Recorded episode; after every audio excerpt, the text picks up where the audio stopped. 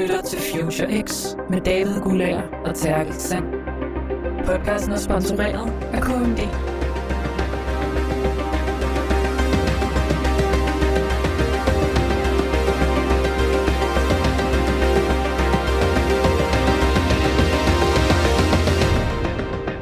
Velkommen til Future X, din nye podcast-serie om fremtiden. Her vil vi tage udgangspunkt i de nye og nuværende teknologiske muligheder, og så prøve fremtidsbrillerne på med vidende gæster for at se, om vi er på, hvor vi er på vej hen, og hvad der kommer til at ske. Jeg selv, jeg hedder David Gullager, og øh, vil styre fremtidens gang sammen med min medvært, Terkel Sand, som sidder over for mig her.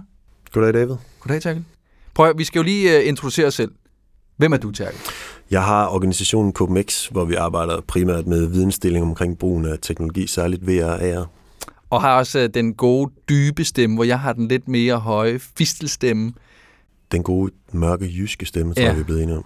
Uh, jeg selv har siddet i uh, over 10 år på, på TV2, eller sidder som selvstændig i dag som øh, foredragsholder og som gæst, uh, ekspert og vært på øh, Godmorgen Danmark og laver masser omkring ny teknologi. Og vi sidder jo her i dag, Terkel, med vores øh, podcast Future X, som, øh, som jeg lige sådan introducerede ganske kort med, at det skal være podcasten, der skal fokusere på, på fremtiden, men sådan med tech-synspunkt. Fordi det er jo det er vores interesse, om man vil. Det er det i høj grad, og i dag har vi jo valgt, at vi skal fokusere på sport. Hvordan kan teknologi anvendes i sportens verden? Hvordan kan det være med til at optimere den enkelte sådan, fysiologiske, mentale og taktiske præstation? Ja, og, og der, der, var jeg, der var jeg ret sådan nysgerrig, om man vil, fordi igen, sportens verden, man kan jo godt tage sportens verden og sige, men det giver meget godt sig selv, netop når vi snakker big data, når vi snakker alt det her. Det er et sted, det altså oser af tal, og der er resultater, der er målinger, det ene og det andet og det tredje. Så selvfølgelig giver det sig selv, at øh, teknologiens verden vil kunne have glædet os øh, i, i, i sportens del. Men alligevel er det sådan overraskende for mig, hvor meget det kan komme. Altså jeg tror, som i resten af samfundet, så er sportens verden jo også blevet øh, rullet over af teknologi, og det gør jo blandt andet, at øh, vi kan følge med i nogle præstationer, som vi ikke har kunnet tidligere. Det gør formentlig også, at der er nogle idrætsudøvere, der optimerer bedre, end de ellers ville have kunnet, og måske endda forlænger deres karriere, som vi talte om, inden vi gik i gang i dag. Topscoren i Serie A i, lige nu, han er 39 år, hedder Zlatan Ibrahimovic. Jeg tror, at teknologi har en eller anden rolle, udover at Zlatan måske er et fysisk pragteksempel, så har teknologi også haft en eller anden rolle i, hvordan han kan forlænge sin karriere og stadig være på toppen.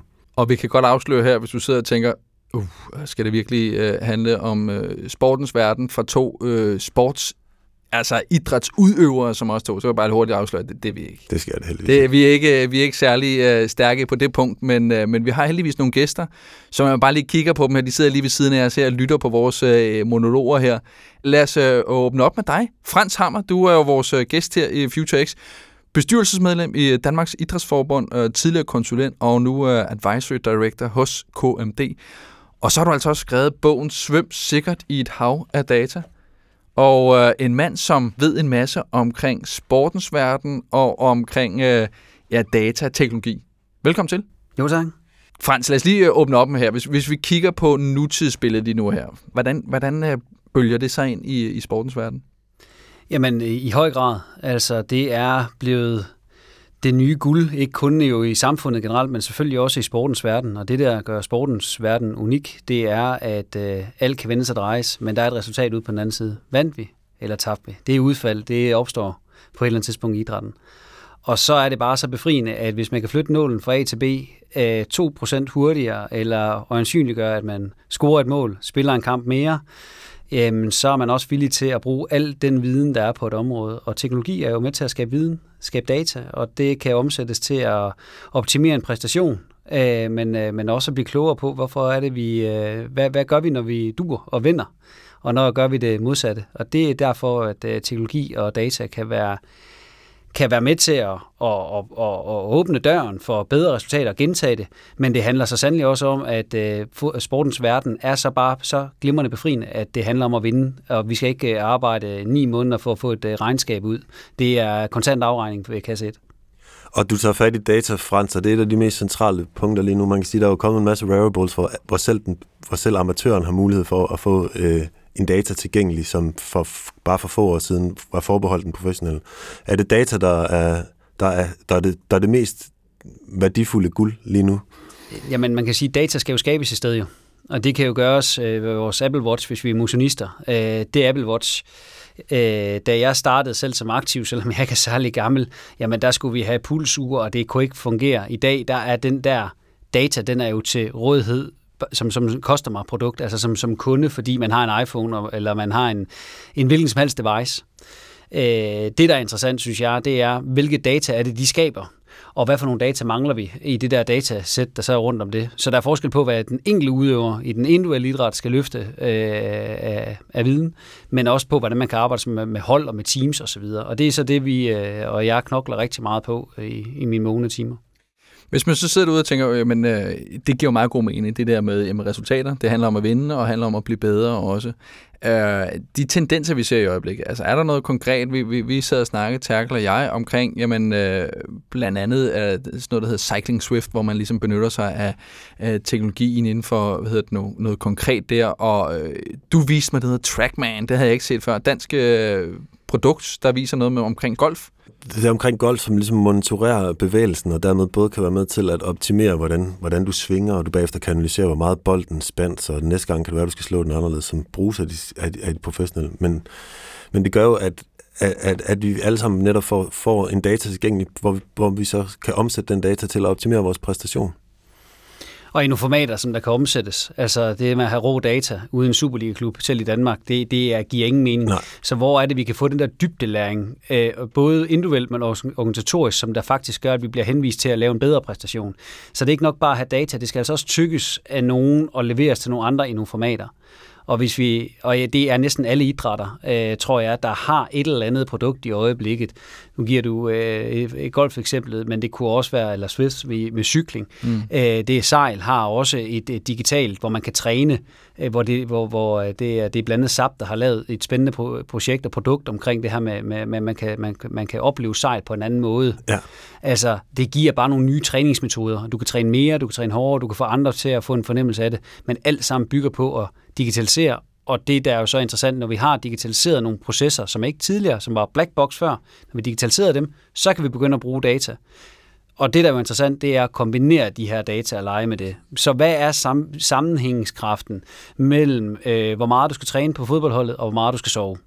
Nu bruger vi jo ordet data, bare ligesom vi øh, får vores lyttere med i. Lad os lige få en hurtig forklaring. Big data, hvad er præcis det? Big data er et vanskeligt begreb inden for datalogi, der meget forenklet kan forklares som store mængder data af mange forskellige og komplekse datatyper, som indsamles på meget kort tid. Den egentlige udfordring med big data er derfor ikke indsamling, men håndtering, analyse og aktivering af de data. Frans, nu når vi taler om data og, og data, der bliver tilgængeligt, så er det vel både interessant at kigge på i forhold til, som du siger, den præstationsfremmende data, eller anvendelsen af data, om det, om det er som øh, amatør eller som professionel. Men det er vel også dataen, som kan gøre, at den får en kommersiel værdi, så beskueren får en, en øget indsigt i den sport, de kigger på. Ikke? Ja, men det er det. Jeg tror, det er vigtigt lige at, at lave analysen selv som, som øh, derude. Så hvor er det henne, der er et digitalt produkt, der skaber nogle data, og hvem er modtageren af det, og hvad vil jeg egentlig bruge det her data til? Det er det, der er altafgørende. Men der er ingen tvivl om, at vi i spillet har revolutioneret, specielt på fodbold, fordi mm. der simpelthen bare økonomien er så meget større, end det er i alle andre idrætter i europæisk kontekst, så er der nogle amerikanske idrætter, den kan vi vende tilbage til. Men, men, men i hvert fald sådan inden for, for spillet, fordi der er de her transfersummer, altså de skifter til nogle priser, som er for fem år siden, der er de cirka fordoblet nogle ja, af de her transferpriser, samlet set økonomisk i Europa. Men det, og derfor er der, det at accelerere en talentudvikling, har bare så stor proveny, ikke kun for danske klubber, men også for europæiske topklubber. Men det er også interessant, og der tror jeg, at vores coronakrise spiller en, en central rolle, det er, hvordan skal vi få folk til sta- på stadion igen? øh, hvem er det, der kommer. Og der er der nogle, altså billetten, hvis du tager til Tyskland og ser en Bundesliga fodboldkamp, håndboldkamp, som måske mange danskere har været, øh, så er den fysisk du køber den med fysiske penge. De aner ikke, hvem der har købt den billet. Nej. Hvis vi kan digitalisere det, og det er der nogle danske leverandører, der er faktisk er ret gode til at digitalisere de der processer. Så de ved, hvor ofte vi har været på stadion, de ved, hvad vi har ja. købt, de ved, hvor vi står henne, og de ved, hvad vores præferencer er, og dermed kan optimere oplevelsen for os. Og optimere den, men også, ved du hvad, vi vandt sidste gang, du var her. Vi ved statistisk set, hvis du ikke har været der fire kampe i streg, så er der mulighed for, at du nærmest ikke kommer igen overhovedet. Ergo får du en mail inden kamp 5, vi har brug for din hjælp. Så den kan i høj grad også bruges til sådan noget crowd control. Det er der, som de siger, når vi skal tilbage fra corona, de ved, at jeg normalt kommer sent. Øh, de sender mig en mail om, at måske jeg skal komme lidt tidligere, fordi så kan vi styre tilgang til stadion og andet, og optimere alle de processer også. Hvis jeg sad i oplevelsesindustrien, ikke kun i sporten, så ville jeg fokusere ind og bruge al min vågne tid på at gøre det. Ja. Jo, det er netop det her med, jamen, hvis vi så tager fremtidsbrillen på og kigger lidt længere frem. Øh, vi er jo allerede godt i gang med det her. Netop, lad os sige, vi, vi sidder i en coronatid nu her, og vi skal så øh, gå på stadion og, og se, se sport på en eller anden måde, og skal være øh, på afstand. Altså, kan, lad, lad, os, lad os sådan sige, kunne man, kunne man opleve den samme stemning, der er på afstand, som vi oplever i dag. Så måske behøves ikke nødvendigvis tænke, hvis ikke du kommer på stadion, nå, jamen, så kan vi tilbyde, at du kan opleve det fuldstændig, øh, som om det var på stadion derhjemme. Det, det tror jeg ikke. Jeg tror, der er noget i vores oplevelse. Jeg tror bare, vi bliver bevidste om, hvad der er i oplevelsen i at komme på stadion, som er helt unik. Det kan være lige pludselig gåturen hen til stadion bliver noget specielt. Mm. Øh, det kan være, altså vi prøver det jo selv i vores arbejdsliv, at jeg tror, at vores kontor bliver indrettet, at vi godt får noget, at vi kan arbejde hjemme, men det der sociale fællesskab ved kaffemaskinen og alt det der, som ikke, man ikke bare kan digitalisere, det kan være, at det faktisk er det, der man sætter, øh, sætter øh, sådan støttefund ned på at fokusere på. Og der tror jeg faktisk, data øh, og hele den der kommercielle del, det vil optimere nogle ting. Vi kan, vi kan optimere på oplevelsen, brugen, hvor skal øh, på stad, de større stadions ude i Europa, hvor skal folk sidde henad for at få den maksimale oplevelse af det. Men sådan nogle ting kan man jo bruge til at blive klogere på og lave den gode oplevelse.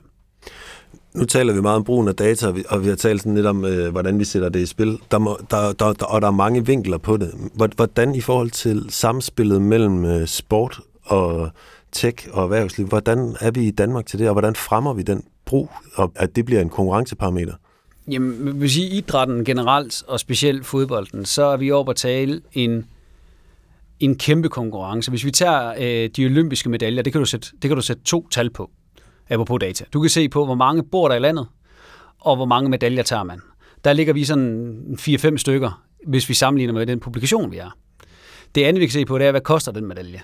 Det kan man også regne ud. Og det vil sige sig, at øh, jeg tror eksemplet det er for, for sejl, nu vender tilbage til det, det er, at man i Sport England har cirka 11 millioner, øh, og for at vinde øh, x antal medaljer, det cirka har man også i øh, sejlunionen over sådan en fireårig periode. Øh, dem i England, de får det bare i pund, vi får det i kroner. Øh, men vi har det samme ambitionsniveau. Det samme er, når vi spiller en fodboldlandskamp mod Tyskland. Der er flere registrerede fodboldspillere i Tyskland, end der er borgere i Danmark. Og når de også har flere penge, så ved jeg fra krig, at så skal man lade være med, hvis de andre er bedre våben end dig, og de er flere mennesker, så lad være med at gå i krig på det parameter ja. i hvert fald. Så vi skal finde den competitive edge, altså hvor er den competitive fordel? Hvor er det henne, vi kan få fordel over til os? Og det er at samarbejde mellem erhvervsliv, vores unikke danske idrætsmodel, hvor vi har rigtig meget, vi har høj adgang til idrætsfaciliteter, høj adgang, fordi vi har mange frivillige, der står derude, der er rigtig mange frivillige træner, vi har generelt, også hvis vi ser sådan, øh, hvad socioøkonomiske parametre kommer mm. med, jamen så er der flere, der kommer til vores idrætter. Og det skal vi altså udnytte til vores fordel. Det er der, vi kan udkonkurrere de andre. Øh, og det skal vi bare være endnu, endnu skarpere på. Så det er vores stærke civilsamfund kombineret med samspillet mellem idræt og erhvervsliv, som kan være med til, at, at, at, at vi når derhen. Fordi når vi nu taler om data, så, så, så har vi siddet her og talt om præstationsfremmende til, at øh, jeg siger, at Zlatan måske har kunne holde lidt længere. Men kan data også anvendes til at øh, hvad skal man sige, optimere den mentale og den kommercielle præstation. Ja, og øh, eksemplet synes jeg, for det, så nu kan jeg jo trække virksomhedskasketten på, ja. ikke? Det, det, det er, at i, øh, op igennem 50'erne og 60'erne, så brugte den amerikanske stat øh, NASA øh, til at flyve til månen. På vejen, der fandt man, opfandt man blandt andet Velkuluk, øh, mm. som blev sat i gang i innovation. Og det er lidt det samme, der er her. Hvis vi skal udvikle de teknologiske muligheder, så er det befriende med sporten, for alt er på et bræt, og man er villig til at gå rigtig langt for at komme tættere på et resultat, optimere en præstation. Og det betyder faktisk, at man stiller enormt høje krav. Og når vi har enormt høje krav og store forventninger til os selv, til hinanden, så skaber vi en det, øh, innovation. Og det er det, vi har brug for. Hvordan kan teknologien være med til at hjælpe, at vi, som, som Terkel siger her, vi har en uh, Zlatan, som, som uh, altså reelt set burde have været gået på pension, det kan vi se på, på tallene, det gør det normalt, men bliver ved med at banke uh, målene ind. Altså, at, at, det er jo ikke nødvendigvis vil sige, at han er en robot, og der ligger teknologi ind i ham, men, men der har jo været nogle elementer i det. Hvis vi sådan, tager det helt praktisk, hvad, ja. hvad, hvad kan man gøre der? Jamen, øh, tag et dansk eksempel fra øh, noget af det, vi har, vi har arbejdet med øh, i, øh, i min lille enhed i KMD, så er det, at vi har arbejdet med søvn i FC Midtjylland. øh, Øh, hvor at vi har øh, sat øh, øh, søvn, øh, altså de her Garmin-armbånd osv. Det kan, devicen er sådan set ligegyldigt, men, men devicen er blevet så god, den teknologiske udvikling har gjort så meget af de der, øh, at, at kvaliteten faktisk er, er sådan rimelig valid. Så har vi simpelthen inddraget en lille konsulentvirksomhed øh, i Schweiz af en dansker, Anna Vest, som er har en øh, god øh, virksomhed, der arbejder med at øh, undervise og uddanne folk i bedre søvn. De datakilder har vi kombineret på, så hvor meget træner man, og hvor meget sover man. Det vil sige, at vi får udviklet et dataprojekt, vi har teknologien, og vi har en lille startup, i Schweiz, der sidder og har en unik viden på det. Og så udvikler vi det her i FC Midtjylland og prøver at arbejde med det og finder nogle modeller for, hvordan man kan arbejde med det. Og hvor giver det mening, og hvor giver det ikke mening? Hvornår skal man have feedback? Hvornår skal man ikke have feedback på sin søvn? Det er også meget vigtigt at have fat i. Ja. Er det her så super interessant, øh, når vi for eksempel taler jysk? Kunne den device ligge i en dyne, og kunne vi alle sammen komme til at sove bedre? Ja, det kunne man godt. Har vi brugt noget innovation overfra FC Midtjylland øh, i det der lille projekt? Ja, det har vi. Og det er den måde, vi kan ikke outspende de andre lande på sporten. Det kan ikke lade sig gøre fremadrettet.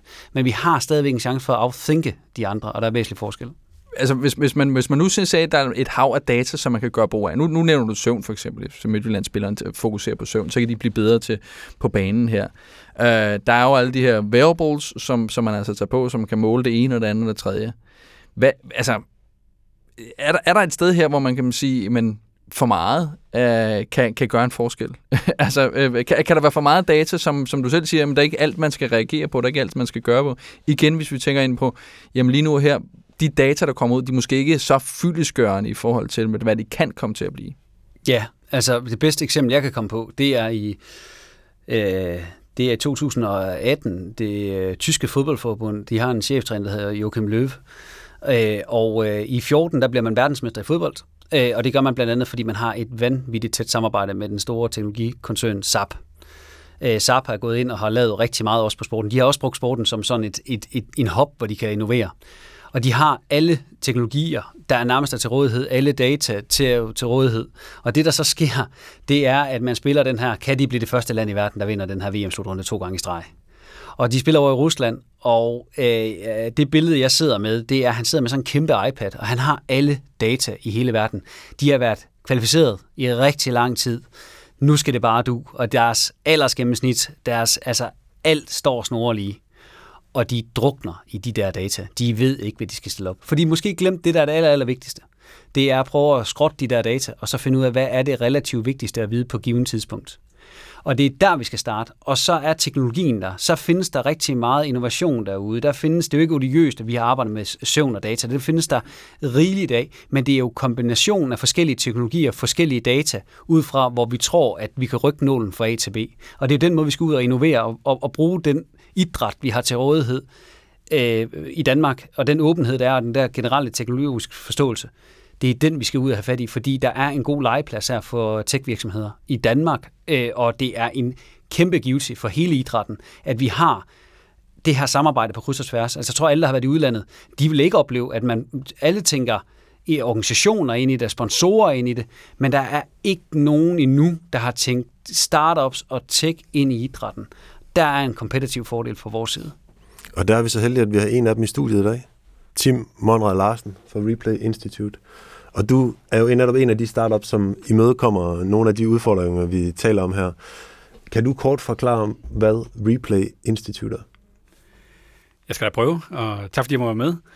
Øhm, jamen, det vi laver er egentlig en uh, software, som gør det muligt at oversætte alle de mange data, som vi har på uh, spillerne øh, og deres præstationer, til et øh, visuelt univers, hvor man blandt andet ved hjælp af virtual reality kan bringe spillerne ind og genopleve de kampe, de har været med i. Og formålet med det, det er egentlig, at de kan se tingene fra forskellige vinkler og genopleve de nøglesituationer, de har været involveret i. Og så kan træner og spiller øh, så prøve at diskutere, hvorfor det var, at spilleren han, øh, gjorde noget andet, end det træneren egentlig havde, øh, forventet, han skulle gøre. Altså, vi fik jo lov til at prøve det herinde, og det gør jo netop, at, at som du siger, det gør jo, at den data, man har, den gør det forståeligt. Og undskyld, David, men du er ikke det mest fodboldtekniske eller taktiske, der findes på Guds grønne jord. Men det kunne jeg blive. Ja, men det gav en forståelse af, hvor den data, som, som, er, som, er, som er tilgængelig, den er oversat til noget visuelt, så man kan forstå det der med, hvad det vil gøre, hvis jeg stod en halv meter tættere på en spiller, eller vi kan genskabe givende situationer og, og forstå, hvad der gik galt, eller hvad der netop gik godt, ikke? Ja, man kan sige, at ambitionen på vores side, det er jo, at, at, at taktik er jo også en svær ting, og, og data kan, kan nogle gange godt blive meget komplekst, især når man skal fra analytikers side eller træners side begynde at formidle det til nogle sportsudøvere. Så det, det handler om, det er nogle gange måske at prøve at forenkle tingene lidt og gøre dem visuelle og gøre, oversætte det til noget forståeligt, øh, som vi kan genkende i vores hverdag. Og det er noget af det, som, som vi sammen med, med KMD har, har forsøgt på her. Ikke? Men Tim, jamen, som, øh, som Terkel siger, øh, han er jo, øh, altså Terkel er inde i et øh, Brøndby-fan, så det var helt, ja, helt øh, fantastisk nej. at øh, få lov til at spille som Brøndby, synes han. Nej, altså, vi så en kamp her, Brøndby øh FC Midtjylland, og kunne se den hele, som altså den var blevet spillet øh, i oktober, og nu så vi den ligesom gengivet i VR. Og, og når, man, når man snakker fremtidselementer, så, så er det jo altid som snak, oh, så er VR en del af det, og lagt sammen med, med data her, så får du altså en hen, igen en helt anden oplevelse. Du nævner meget i, at med, at det her det er en, en del af noget for både for spillerne, men også for trænerne, for at forstå øh, sige, retrospektivt, hvordan har vi gjort det. Men, men kan det også være sådan en, som en, et, et led i at beskue sport på den her måde? Altså, du får lige pludselig en, en tilstedeværelse på banen, træneren kan gøre glæde af at være, være spilleren, om man vil. Det kan du helt sikkert, øhm, og man gør det jo allerede inden for gaming, og, og man kan sige, at vores første fokus her, det er at øh, fremme sportspræstationer øh, og, og fremme spilforståelsen. Mm. Men det naturlige næste skridt, det er, at når du begynder at, også i VR, at kunne genskabe øh, den visuelle oplevelse af den enkelte spiller med ansigt og det hele en til en, øhm, øh, så, så begynder du lige pludselig at kunne invitere fans og publikum øh, med ind i spillertunnelen og ind på banen og komme lidt tæt på og se for eksempel mål øh, på alle mulige andre forskellige måder. Måske at komme ind og være den, der, der får fornemmelsen af, hvordan det er at prøve at sparke på mål fra den position, som Vilcek og andre de nu gør det. Og en af de klubber, som bruger det i dag, det er FC Midtjylland. Kan ja. du fortælle lidt nærmere om, hvordan, hvordan de bruger det sådan praktisk i en hverdag? Jamen, øh, indtil videre, så er der især to områder, de bruger det på. Øh, den ene, det er øh, faktisk, at alle de her data, som de har til rådighed fra, fra kampene, der kan de øh, ved hjælp af noget, øh, noget segmenteringsudstyr, de har i værktøjet her, kan de ret hurtigt gå ind og genfinde præcis de situationer, de gerne vil arbejde med. Det er den ene ting. Og den anden ting, det er, så når de har de situationer her, så inviterer de øh, holdet og spillerne ind på den her virtuelle fodboldbane. Og, og nogle af de aha-oplevelser, der har været indtil videre, har været, at øh, trænerne faktisk har opdaget, at nogle gange, så, øh, så hjælper det faktisk på deres forståelse af spillernes udfordringer, at, at de kan se det fra, øhm, øh, fra, fra, fra det samme øh, vinkel, som spilleren kan. Og for spilleren, der er det selvfølgelig øh, øh, den anden vej, at, at, at, at nu kan træneren faktisk visualisere tingene på en anden måde. For eksempel, skulle du i en 3 mod 2 have taget det, det dybe løb og lavet afslutningen, eller skulle du have været lidt mindre egoistisk og spille bolden ud til højre, hvor der havde været en lidt større øh, expected goal? Ikke? Det kan man simpelthen se øh, med den her teknologi? Ja. ja vi, vi oplevede det jo også, som sagt, at kunne se øh, igen, her er der sandsynligt, øh, her, her har det ene hold haft mere spil øh, og mindre spil, om man vil. Her kan man gøre det ene eller andet. Hvis, hvis, hvis vi kigger, lad os sige, 5-10 år frem i forhold til den her teknologi, Altså, selvfølgelig kan grafikken blive bedre. Dataen bliver vel også mere grundig, om man vil. Ud fra, fra dit synspunkt, fra jeres synspunkt hos øh, Replay, hvad, hvad ser I som, øh, som muligheder i det her potentiale? Ja, altså på den kort mellemlange bane, der, der begynder vi at kunne invitere flere spillere ind i VR samtidig, som også kan træne relationer. Øh, og det næste skridt, det bliver så, at man også kan, kan træne det her øh, i spillerbussen eller derhjemme. Det er på den kort mellemlange bane. På den rigtig lange bane, så begynder vi ved hjælp af alle de her data her, øh, og alle de analyser, der er til rådighed, begynder vi at kunne sige, hvad er det, man i forhold til den taktiske del af spillet skal kunne for at blive en rigtig god højre bak i Barcelona, eller en rigtig god venstre midt i Brøndby osv. Og så kan man faktisk forestille sig, at man kommer til at som ung, håbefuld øh, 9-10-årig talent, at man kan gå ind og købe en pakke, der hedder, nu vil jeg gerne være Messi, for at jeg kan blive taktisk lige så god som Messi, så skal jeg købe den pakke, og skal jeg gå ind i VR og træne den spilforståelse, som Messi har. Og ender vi så der også, når vi nu taler 5-10 år frem, at teknologien er så fremskreden, at vi kan gøre indlevelsen, fordi noget af det, som det her det gør frem for en oplevelse på et taktikbræt, det er jo netop indlevelsen og forståelsen, og derved lærer den formentlig bedre i spilleren.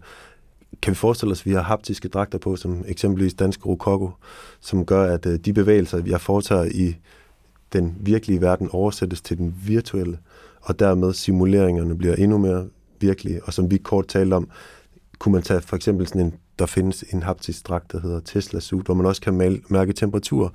Så som du siger, når man sidder i bussen på vejen til kamp, så kan man simulere den oplevelse, man skal ind og have inden, og dermed være bedre forberedt på den.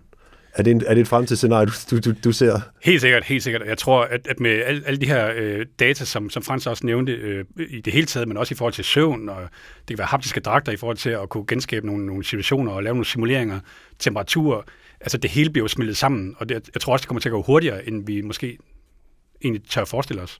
Men vi skal stadigvæk mødes på et fodboldstadion 22 spillere mod hinanden, også om 10 år. Det er ikke sådan, at vi står hjemme i soveværelset og spiller en kamp, en Superliga-kamp, vel? Jeg tror, at det bliver både og. Jeg tror, at den der øh, oplevelse af, af at være på stadion, for dem, der elsker fodbold eller andre sportsgrene, det kan ikke slås. Det kan simpelthen ikke slås. Men derfor kan man jo godt bygge ovenpå og udvide fanoplevelsen. Nu ved jeg godt, I, I er to, øh, begge to meget øh, fodboldfokuseret på det her, men hvis man nu udvider det til, til flere sportsgrene, jeg kiggede på sådan, sådan sportens verden generelt med det her, I nu snakker om, både omkring jamen, øh, VR, sportspræsentationsforberedende øh, osv., altså, kan, kan man ikke også tabe lidt for meget af det? Altså, det lyder som om, der er ufattelig meget data på alting. Og hvis jeg nu sidder og ser en, øh, lad os sige, en fodboldkamp, eller jeg skal se noget cykling, eller hvad ved jeg, har jeg brug for så meget data? Har, øh, som, som, både som, som, øh, som en, der beskuer, men reelt set også en, hvis jeg skulle ud og give den gas, så skulle jeg vel bare ud og give den gas på banen, i stedet for at tænke over, hvor langt kan jeg løbe, og hvad, hvad, hvad har jeg løbet sidst, og alle de der ting. Altså, er der for meget? Jamen, det kan på, om det er for udøveren, eller er det for tilskueren, ikke? Jeg Jamen, det jo en, en det, begge det, ting. Det, det, det jo en begge ting, ikke? Altså, jeg, jeg, jeg synes jo, at det var befriende, øh, da man begyndte at involvere øh, puls, for eksempel i transmissionerne i cykelløb, hvor man kunne se pulsen. Hvor var de henad? Det kan godt være ham, der han førte, men ved du hvad, pulsen var langt højere på ham, der, øh, der førte, end ham, der lå bagved. Så begyndte at se på det. Det synes jeg er super interessant så er der på udøverniveau, altså der tror jeg simpelthen ikke på, at vi har set endestationen. Altså specielt i de der høje kommersielle idrætter, som fodbolden er, der er der så meget proveny i simpelthen at flytte 2%. Både i vinder vi, større sandsynlighed for det, eller taber vi, at der vil der simpelthen ikke være råd til ikke at fokusere på det her område. Det er jo noget af det der, vi sådan skal begynde at forholde os til, at der er en bagvej til de der resultater ved at bruge teknologi. Så vi er nødt til at bruge de der competitive fordele, som teknologien kan være, hvis den sætter sig rigtigt i spil, og det er jo den måde, man så har valgt at se på det der. I Danmark har man jo valgt den på fodbolden, og den kan man kopiere på andre områder. Det er sådan, at man har både det, der hedder positionsdata og eventdata. Det tror jeg lige, det er vigtigt lige for os, hvem er der lytter med, fordi ja. det er sådan en god måde at arbejde med det her på. Positionsdata fortæller om spillernes placering på banen, hvorimod eventdata beskriver selve den handling, der bliver foretaget. For eksempel en takling. Altså hvis vi har et event, det er et mål. Det er dem, som når team han i hans øh, i øh, replay-udstyret ser, at der er mål, jamen så, så er det jo en datakilde. Hjørnespark, indkast. Men der er også de her positioner, og det er der, det bliver interessant, fordi der har man teknologi på alle Superliga-stadionerne, som sender positionerne på hver enkelt spiller. Jeg tror, det er nogle af 30 gange per sekund, så bliver vi hurtigt op i den definition, der hedder big data. Men kombinationen af de her to ting, det er jo det, som Tim har været god til at lave en forretning om på. Altså, hvor står spillerne henad, hvor langt løber det, hvor, hvor står den, det, det enkelte individ henne, og hvornår er der mål, hjørnekast, øh, eller øh, hjørnespark osv. Det der vil vi se i højere grad, at man i de enkelte idrætter går ind og investerer i fælles. Så det du siger der, altså alle danske sportsklubber på en eller anden måde, de vil, de vil investere i teknologi. Hvis man skal kigge på det, hvad, hvad er det? Altså helt lavpraktisk, hvad er det så, de skal investere i? Altså er det haptiske øh, dragter, der skal måle det hele? Er det kamera, de skal løbe rundt med i panden? Er det, altså, hvad, hvad er det, vi kigger på her? Øh, øh der Algoritmer, vil, eller? Ja, men der vil være... Altså, jeg tror, det handler meget om, at de får de data, som der gør, at for eksempel Tim kan lave det, han gør ovenpå med VR. Og det vil sige positionsdata og eventdata. Sagt på en anden måde, det er, når, når spillerne spiller, så spiller de med sådan en chip. Hvis man ser fodboldkamp, så tager de trøjen af, så spiller de med sådan lidt en BH, hvor der sidder en chip i. Den tager temperatur, den tager deres puls, blodtryk, men det tager også deres positionsdata. Og kombineret med de der eventdata, som der mange gange sidder og bliver tracket, altså der sidder en, som er tracker nu der, øh, i håndbolden, så, så bruger man noget, der hedder sideline generelt, i, det man blevet enige om i, i håndboldligaen, så, så, så ligger man simpelthen, og nu er der, øh, nu er der frikast, og nu er der øh, hjørnekast, og nu er der udskiftning, så får man data på det, og de kombinationer af de ting, der gør det rigtig spændende. Det gør, at Tim han kan lave det produkt, han nu gør med replay, mm-hmm. men det vil vi se i andre idrætter, at man de der positionsdata, og simpelthen investerer i det for at få dem, de der data, og det vil blive, kun blive billigere. Det, ja. det, det, det, det, det er, øh, så de der chippe, de der, altså det bliver sådan noget Internet of Things teknologi, man ligger ind i, de vil simpelthen, øh, de vil simpelthen blive skiftet ud. Men dataen er interessant at få fat i. Så det er nogen, der kan oversætte dataen til, hvordan det her det kan være præstationsfremmende for den enkelte og for holdet, fordi som vi jo også har talt om, vi ved jo ikke, om man har sovet dårligt om natten, fordi ens etårige har været vågen. Så er positionsdataen og eventdataen selvfølgelig interessant, men årsagsforklaringen til, hvorfor at man ikke har præsteret, som man skulle.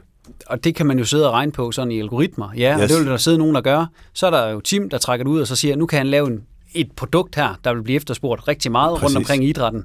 Men det, der er jo så interessant, og det er jo det, som Midtjylland og Team knokler på lige nu. Så hvornår skal vi prøve de der briller? Hvornår, hvor langt før en kamp kan jeg begynde at blive trænet i VR? Er der nogle spillertyper, hvor det faktisk giver mening at blive trænet i VR, frem for at stå ude på banen? Og er det, hvor vi siger, at det der, det kan det i hvert fald ikke lade sig gøre? Det stiller lige pludselig nye spørgsmål. Og det er der, vi skal ud. Det er den der tankegang i at prøve at blive bedre og prøve nogle nye teknologier. Så får vi nogle nye spørgsmål, og så må vi se, hvad vi har teknologi for at svare på det på et eller andet sted. Og det, det er jo den, det, det, det, er, det er den innovation mere, der er brug for derude. Så spørgsmålet er øh, to ting. A, bliver det en iPad, der kommer til at skifte ud af en? Nej. Er der mere brug for en sådan en øh, digital product manager i klubberne end endnu en assistenttræner? Ja. Det er nok der, vi kommer til at stå. Min oplevelse er også, at øh, nu, nu har, jeg, har jeg baggrund også fra, fra retail-sektoren, hvor ja. man har arbejdet med big data i mange år og, og begyndt at arbejde meget segmenteret med det. Det er ikke min oplevelse, at man inde i sportens verden, og selv ikke i fodbold, hvor der er mange penge, og hvor jeg kender lidt til det, øh, så meget bruger man heller ikke data i dag. Og en af de drivers, der er på at bruge data, det er også, at det skal være nemt at bruge det. Altså det skal være nemt for, for dem, der træffer beslutninger, dem, der er trænere og dem, der er spillere, hmm. at bruge den her teknologi. Og jeg tror ikke, der er mange der har taget øh, havelågen ned første gang til fodbold med fodbolden bag på cykelbæret på vej ned, og så tænker, jeg synes data er det mest interessante i hele verden. Det er nok fodbolden. ja. Og det var faktisk de der, der var rigtig gode til at cykle på havelågen dernede, der blev træner, og nu står de der og skal bruge, og det er det, der er udfordringen. Præcis, fordi der er vel også det der med, altså kan for meget teknologi, som David også spurgte om til, kan det ikke også, kan charmen ikke gå af det? Altså, jeg kan selv blive irriteret nogle gange over den der var-teknologi, særligt når den ikke virker. Altså, eller dommen går den modsatte vej. Præcis. Eller hvad det men, men, det, men så er vi bare ude i, jamen, øh, jeg synes jo også nogle gange, at det tager for lang tid. Men det er jo så bare, har vi ikke nogen teknologi for at speede den der proces op? Jo, det, det vil være mit svar, ikke? Jo. Så det er jo ikke teknologien, men det er, hvordan vi ender det, og hvordan er det så ny. Så det handler jo mere om at stille, øh, ikke hvorfor, men hvordan. Hvordan får vi det gjort bedre, ikke? Og det er det, vi skal ud og arbejde med. Det vil jeg også godt lige sige, fordi det, det er jo ikke teknologien, der er noget galt med. Det er Nej, faktisk, hvordan du bruger den. Det er altid anvendt. Præcis. Det er altid. Eller kan vi finde noget mere, eller noget andet teknologi til at gøre det? Men hvor, hvor langt det ude i fremtiden mener jeg, hvis noget her vil ske, hvor det, hvor det ligesom er en, en almen ting? Fordi i dag, så, så har vi også en fornemmelse af, at når man snakker om sport og data, altså Øh, I hvert fald, hvis du kigger på den, den almene, så siger de to ting, så kan man godt se, at de får sådan lidt, lidt skæve ansigtsudtryk, som sådan, hører de to ting reelt set sammen. Øh, og igen, sportens verden, I virker begge to som om, at jamen, det her det er lige altså på toppen til at, til at ske noget i, i forhold til udvikling herhjemme, i forhold til øh, klubberne, der nævner FC Midtjylland som den eneste. Men hvor, hvor mange år frem ligger vi før, at det er en almen ting, at man har sports og data, eller øh, teknologi, om man vil, på lige, øh, lige niveau? Altså, jeg vil godt lige starte her, fordi det, jeg oplever, jeg er faktisk lidt overrasket over det, det er, at, og det er egentlig meget indlysende, øh, når vi er ude i klubberne, så er det faktisk øh, det spillerne, der efterspørger det her de vokser op med, med de her nye teknologier, og de er vant til at bruge dem. Ikke hver gang, men nogle gange oplever jeg, at trænere, der er på min alder, er, er måske lidt øh, fremmedgjorte over for den her nye teknologi og virtual reality, og tror måske også nogle gange, at der er nogen, der kommer ind og skal fortælle dem, øh, at, at, hvordan skabet skal stå. Og sådan er det slet ikke. Det er et hjælpemiddel, der kan gøre det hele nemmere og bedre. Så det er jo hele, hele tilgangen til at bruge teknologi, det handler om. Og jeg tror, at de unge mennesker kommer til at drive det her meget hurtigere, end, end vi tør drømme om. Og, og de bruger det jo allerede i gaming og i andre sammenhænge, så, så det er bare et spørgsmål om, om få år, tror jeg, før det er meget udbredt. Flere har sagt til os, jamen prøv at I skal starte med spillerne, fordi spillerne, de vil gerne bruge 10, 20, 30, 40.000 om året på at blive 5-10% bedre. Det er jo derfor, de står og træner frispark efter kampen, eller, eller øh, indkast i håndbold og, og, og andre sportsgrene. Så, så det starter for vores vedkommende med, at man får nogle bedre sportspræstationer, og så tror jeg, at fans og fanaktivering og øh, og værtsliggørelsen kommer i, i andet skridt. Jeg har en fornemmelse af, at det her, det er vidderligt kun toppen af isbjerget, lille små flager af muligheder, vi ser. Og jeg er overbevist om, Terkel, at vi bliver nødt til at vende tilbage til det her emne, fordi næste år så ser tingene meget anderledes ud igen. Altså, tingene går så forrygende hurtigt på det her punkt allerede. Det bliver sindssygt spændende at følge, hvad det kommer til at betyde for den enkeltes idrætspræstation, men også det kommercielle udvikling af, af sportens verden. Så du kan sagtens sidde derude og tænke, jamen prøv at jeg skal også være en sportsstjerne, det kan du simpelthen gøre nu i, uh, i den virtuelle verden på et eller andet tidspunkt. Du kan allerede begynde at øve dig nu her. Tim, Frans, tusind tak for, at I var med her. FutureX er færdig. Vi er heldigvis tilbage igen med, øh, med flere afsnit. Meget mere fremtid, meget mere indhold. Indtil da, på gensyn. Tak for det.